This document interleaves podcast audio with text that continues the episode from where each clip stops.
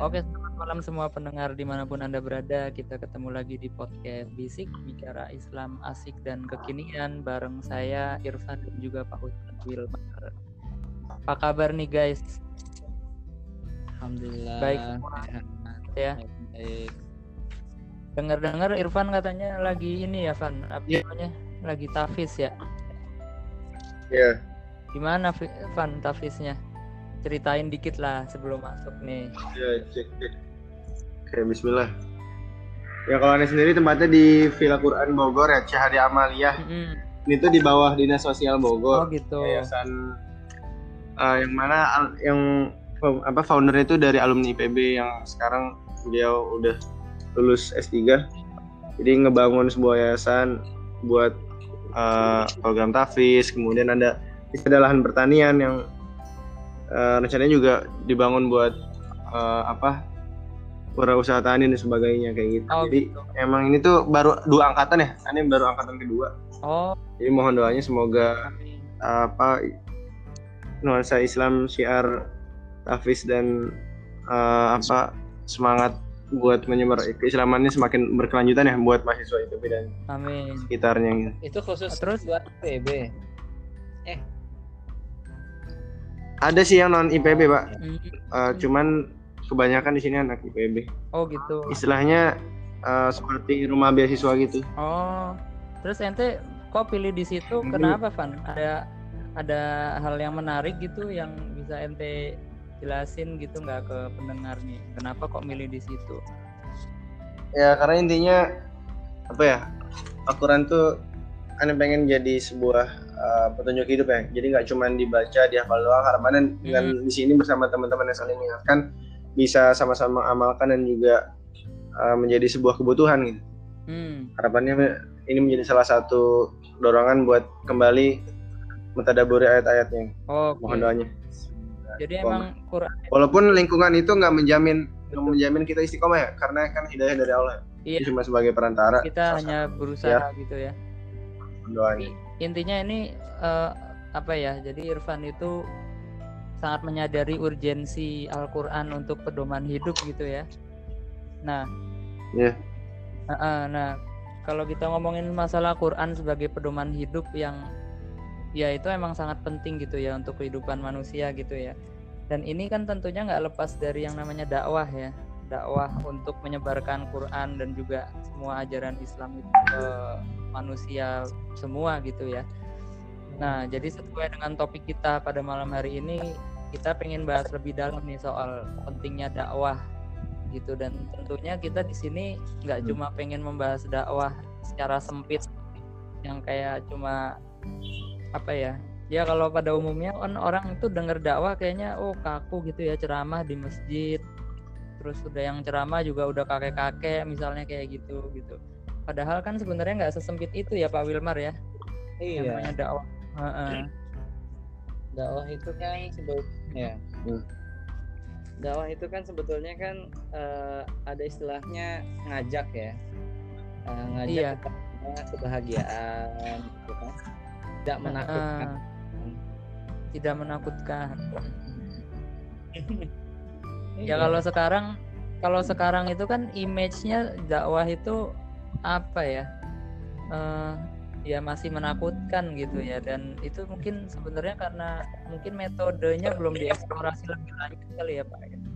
ya bisa jadi kalau kita ngelihat eh, tiga amal ya tiga amal utama Mhm. itu dalam eh, kehidupan kita sehari-hari untuk menggapai kebahagiaan dunia akhirat itu cuman tiga doang dibilang sama hadis nah Hmm, dari apa Eh, hadis riwayat Tabrani dia bilang gini eh, amal yang paling utama eh, adalah kebahagiaan kepada orang mukmin kemudian engkau Hmm. tutup auratnya engkau kenyangkan perutnya dan engkau penuhi kebutuhannya jadi eh, kalau itu kan semuanya kan asik-asik ya Iya. Nah, Tadi kenapa Pak, sorry jadi potong bentar. Maaf Pak tadi ditutupin apanya tuh terakhir ketutupan suara motor kayaknya. oh iya Dicukupi. Iya jadi yang terakhir ya yang terakhir Hmm. itu ada Iya tadi ketutupan suara. kebutuhan- kebutuhannya Oh, kebutuhannya. Hmm. Oke.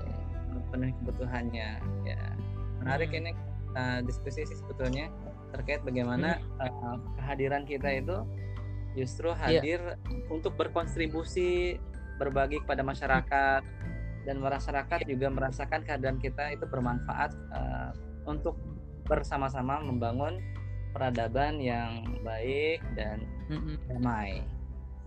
Iya, nah apalagi zaman sekarang nih Pak ya, udah banyak sosial media segala macam, pastinya kan dakwah itu eh, harus bisa lebih kreatif lagi ya Pak ya, nggak cuma mas nggak cuma di atas mimbar aja gitu ya. Jadi nah, tingkat da- ag- dagang aja ada namanya digital marketing kan.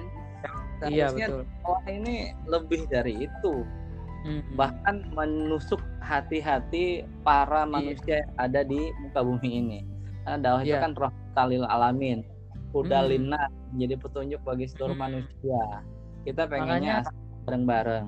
Iya. Mm-mm, makanya kita waktu itu sempat dikejutkan juga sama salah seorang ustadz yang dakwah dalam diskotik ya. Ada yang lihat nggak? Iya. Siapa tuh namanya? Gus Nur ya, Gus. Ya Iya. itu kan dakwah Miftah. Miftah. Beliau masuk ke dalam diskotik tuh terus masih ada cewek-ceweknya tuh yang apa namanya pakaian ya gitulah yang membuka aurat gitu dan Iya. akhirnya beliau ajak cewek-cewek itu solawatan, zikir ya kita agak ngelu aja lucu sih ya liatnya ya Iya. tapi sebenarnya justru itu yang penting gitu ya Iya. walaupun banyak kontroversi juga ya ada yang menilai oh nggak layak nih kayak gitu itu kalimat suci misalnya gitu Betul. Mm-mm. Ya, bagaimana bagaimana mungkin eh, pesan-pesan yang baik itu bisa diterima oleh mereka kalau Hmm. kita nyambangi mereka dan berharap mereka itu datang ke masjid kalau mereka tidak merasakan bagaimana nikmatnya masjid kita harus Iya. memberi iya dan yang ingat Allah kan di mana saja kan Iya, betul betul betul. dan Karena seluruh dunia Iya. itu tempat buat nginget Allah gitu ya intinya. eh, betul. Nah, kalau bicara masalah dakwah kreatif nih, Irfan atau Pak Pak Wilmar eh, menurut Pak Wilmar atau Irfan apa sih dakwah yang paling kreatif yang pernah Bapak Wilmar atau Irfan lihat gitu? Coba bisa di-sharing nggak nih di sini? Yang paling kreatif. Out Menarik ya. Uh, Nah, menarik Irfan ya ngomongin tentang kreatif. Jadi aneh barusan aja uh, berita Mm-mm. kita uh, mulai 2000 kemungkinan tahun 2040 Mm-mm. itu uh, Indonesia dihadapi uh, besarnya penduduk usia produktif antara 15 tahun sampai 64 64 tahun Hmm. dalam suatu negara di Indonesia. Mana itu ya Iya, iya, iya, iya. Uh, apa sih survei ya mungkin teman-teman uh, ini pandangan aneh aja ya, membuktikan bahwa itu anak-anak muda kalau di di fakultas aneh sendiri di kampus itu memang anak-anak muda itu senang dengan hal-hal yang berbau Oh, iya. media ataupun uh, Iya, kehidupan iya, pasca iya. pokoknya hal-hal yang mem- misalnya dalam hal desain atau misalnya dalam hal uh, kehidupan pasca kampus di sholat zakat dan rukun iman dan rukun Islam cuman yang gak kalah penting adalah bagaimana agar orang-orang di luar sana yang belum Hmm. uh, terketuk hatinya untuk tetap menjalani uh, apa uh, kewajiban-kewajiban Islam dengan cara-cara yang memang dibutuhkan nah salah satunya itu dengan Iya. dengan uh, meng- mengoptimalkan media dan itu yang sedang anda coba lakukan di Nah, kampus lah. nah, Caranya kita mengoptimalkan media-media seperti Instagram iya. dengan konten-konten yang insya Allah berproses untuk Mm. untuk berikhtiar untuk semakin baik Iya benar makanya kayak gitu. berapa tahun ke depan, let's say lima tahun ke depan ini emang katanya tahunnya anak-anak muda ya, makanya Giring Niji sampai nyapres segala kemarin.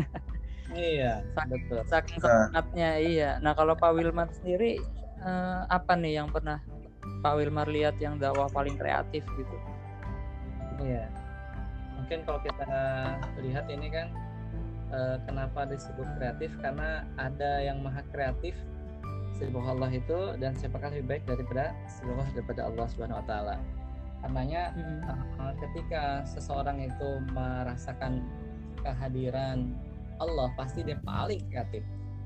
contoh Hmm. Hmm. Kita lihat di Jepang ya. Ini Jepang ya. Mhm. Jepang itu bukan negara Islam. Iya Tetapi- betul betul betul. Dia cukup kreatif eh, di dalam membangun komunikasi eh, bagaimana dakwah itu eh, yang dulu cuman basisnya harus eh, kumpul bareng, ber, habis itu harus kopdar. Tetapi di Jepang Mm-mm. eh, dulu itu sudah mulai eh, pakai apa namanya eh kayak WA juga gitu. Jadi satu-satu antara Oh iya, iya. apa namanya kayak Skype gitu kan. Dan- Skype ya. Ah, itu di Jepang dulu ya. Di Jepang. Hmm. dan Hmm. dan hasilnya justru luar biasa gitu. Hasil- luar biasa dirasakan sekarang.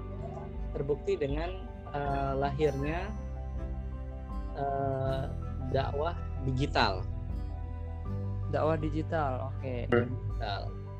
Dakwah digital memang eh, kesannya ini eh, apa ya? Kesannya kok kita kayak jauh dari Quran, kita kok apa-apa bukanya Hmm. digital eh, pakai eh, digitalnya digital Quran gitu kan. Tapi bukan itu Iya. pada esensinya. Nah, kan- Hmm. nah karenanya eh, kalau saya lihat yang Iya. menarik saya waktu zaman-zaman 90 99 lah 99 98 itu udah era digital Wa- walaupun populernya sekarang Oh iya iya iya. Oke. antar negara ya Hmm, oke. Ini jadi nggak kerasa udah 16 menit ya. Kita tadi ngobrol-ngobrol banyak soal dakwah, tapi kita mau break sebentar. Jangan ke mana-mana. Kita akan lanjut di sesi 2. Tetap di Bisik, bicara Islam asik kekinian.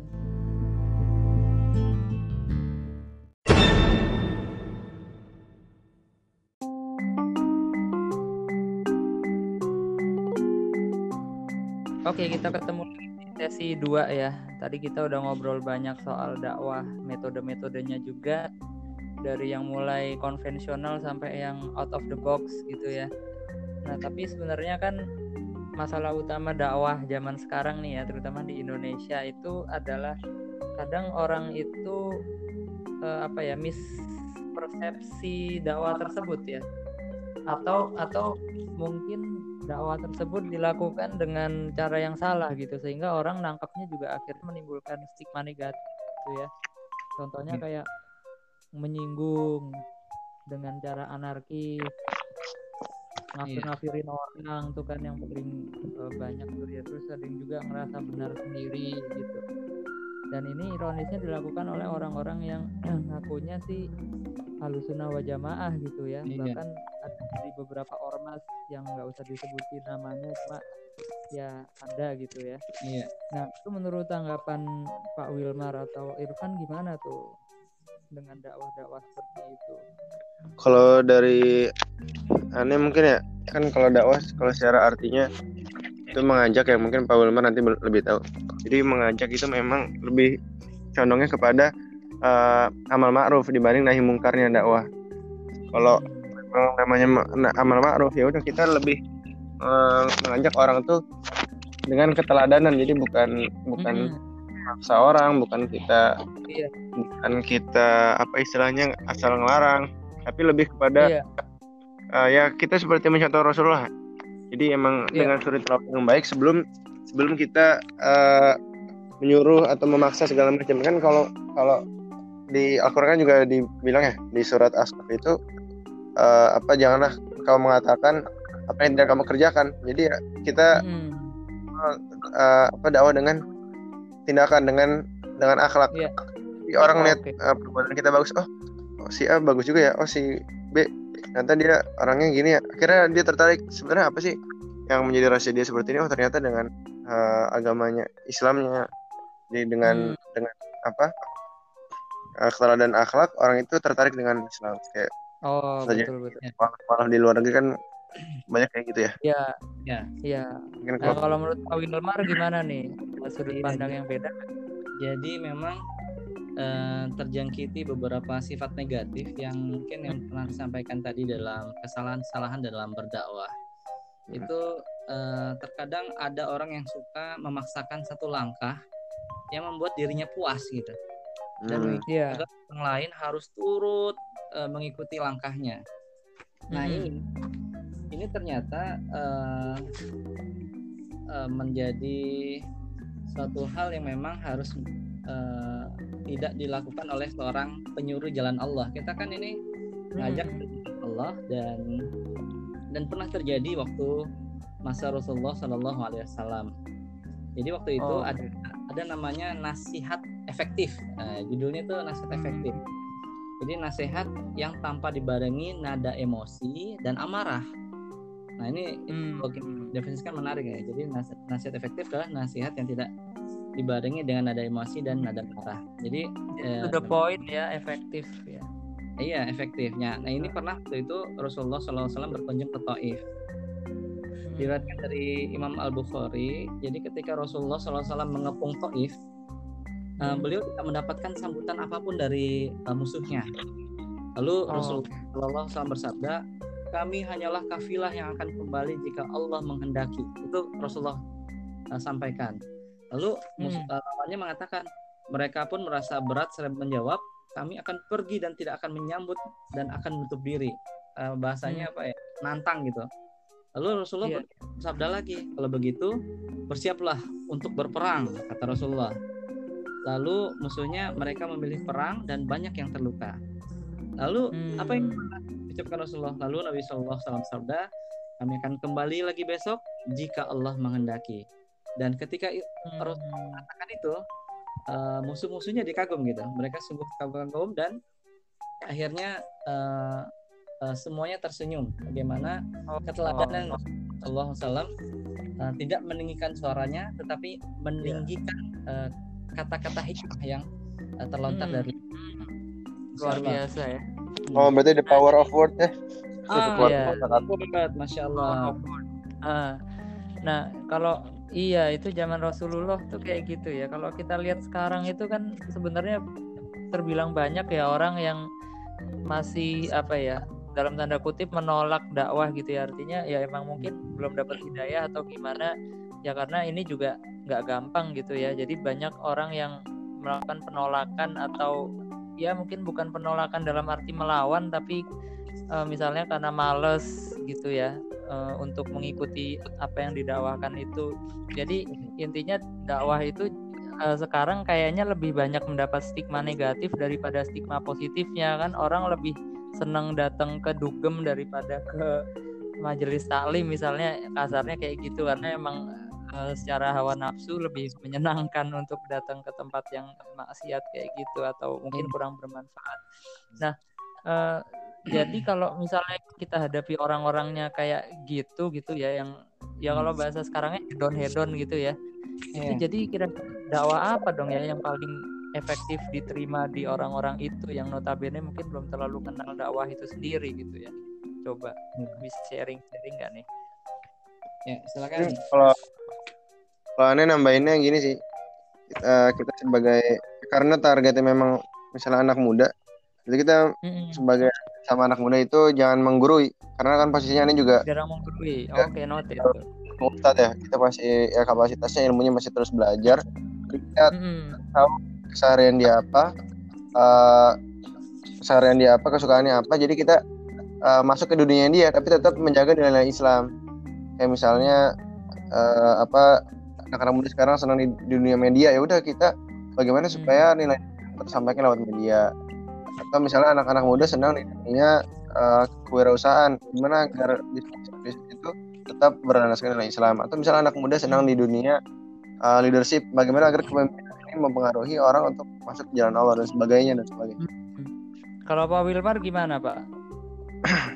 Ya, jadi kalau kita ngelihat dalam eh, karakteristik dakwah itu, eh, itu kan pemikiran dakwah itu terbentuk eh, karena karakteristik. Nah, karakteristik yang diinginkan sebetulnya yang Mhm. untuk kondisi di zaman sekarang adalah pertama eh, itu Allah Kan itu apa tuh Pak artinya tuh bagi seluruh sasaran dakwah. Ingat, kita dakwah Allah bukan ingin dipuji oleh manusia, bukan eh, Hmm. takut diejek oleh manusia ketika kita, kita benar, Hmm. Dan puji manusia ketika kita juga begitu mempesona dalam menyampaikan kata-kata yang begitu indah akhirnya kita uh, mendapatkan pujian tapi lupa bahwa pujian itu bukan kita tapi buat Allah Subhanahu wa taala. Pertama robaniyah, yang kedua adalah uh, apa namanya? alamiah yaitu universal.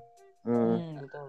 Ya, dia itu ditujukan pada seluruh manusia dan uh, siapa pun boleh uh, mendapatkannya. Jadi seorang itu artinya diukur bukan dari uh, pakaiannya, dari materinya, tetapi dari uh, ukuran akhlaknya dan takwanya. Kemudian hmm. juga uh, terakhir yang paling menarik adalah uh, dakwah itu yang ditunggu-tunggu sekarang itu uh, ilmiah, ilmiah dan uh, aklaniyah, hmm. ya kan? Hmm. tetap berdasarkan pada akal ya. Iya, rasional, rasional, rasional. dan ilmiah.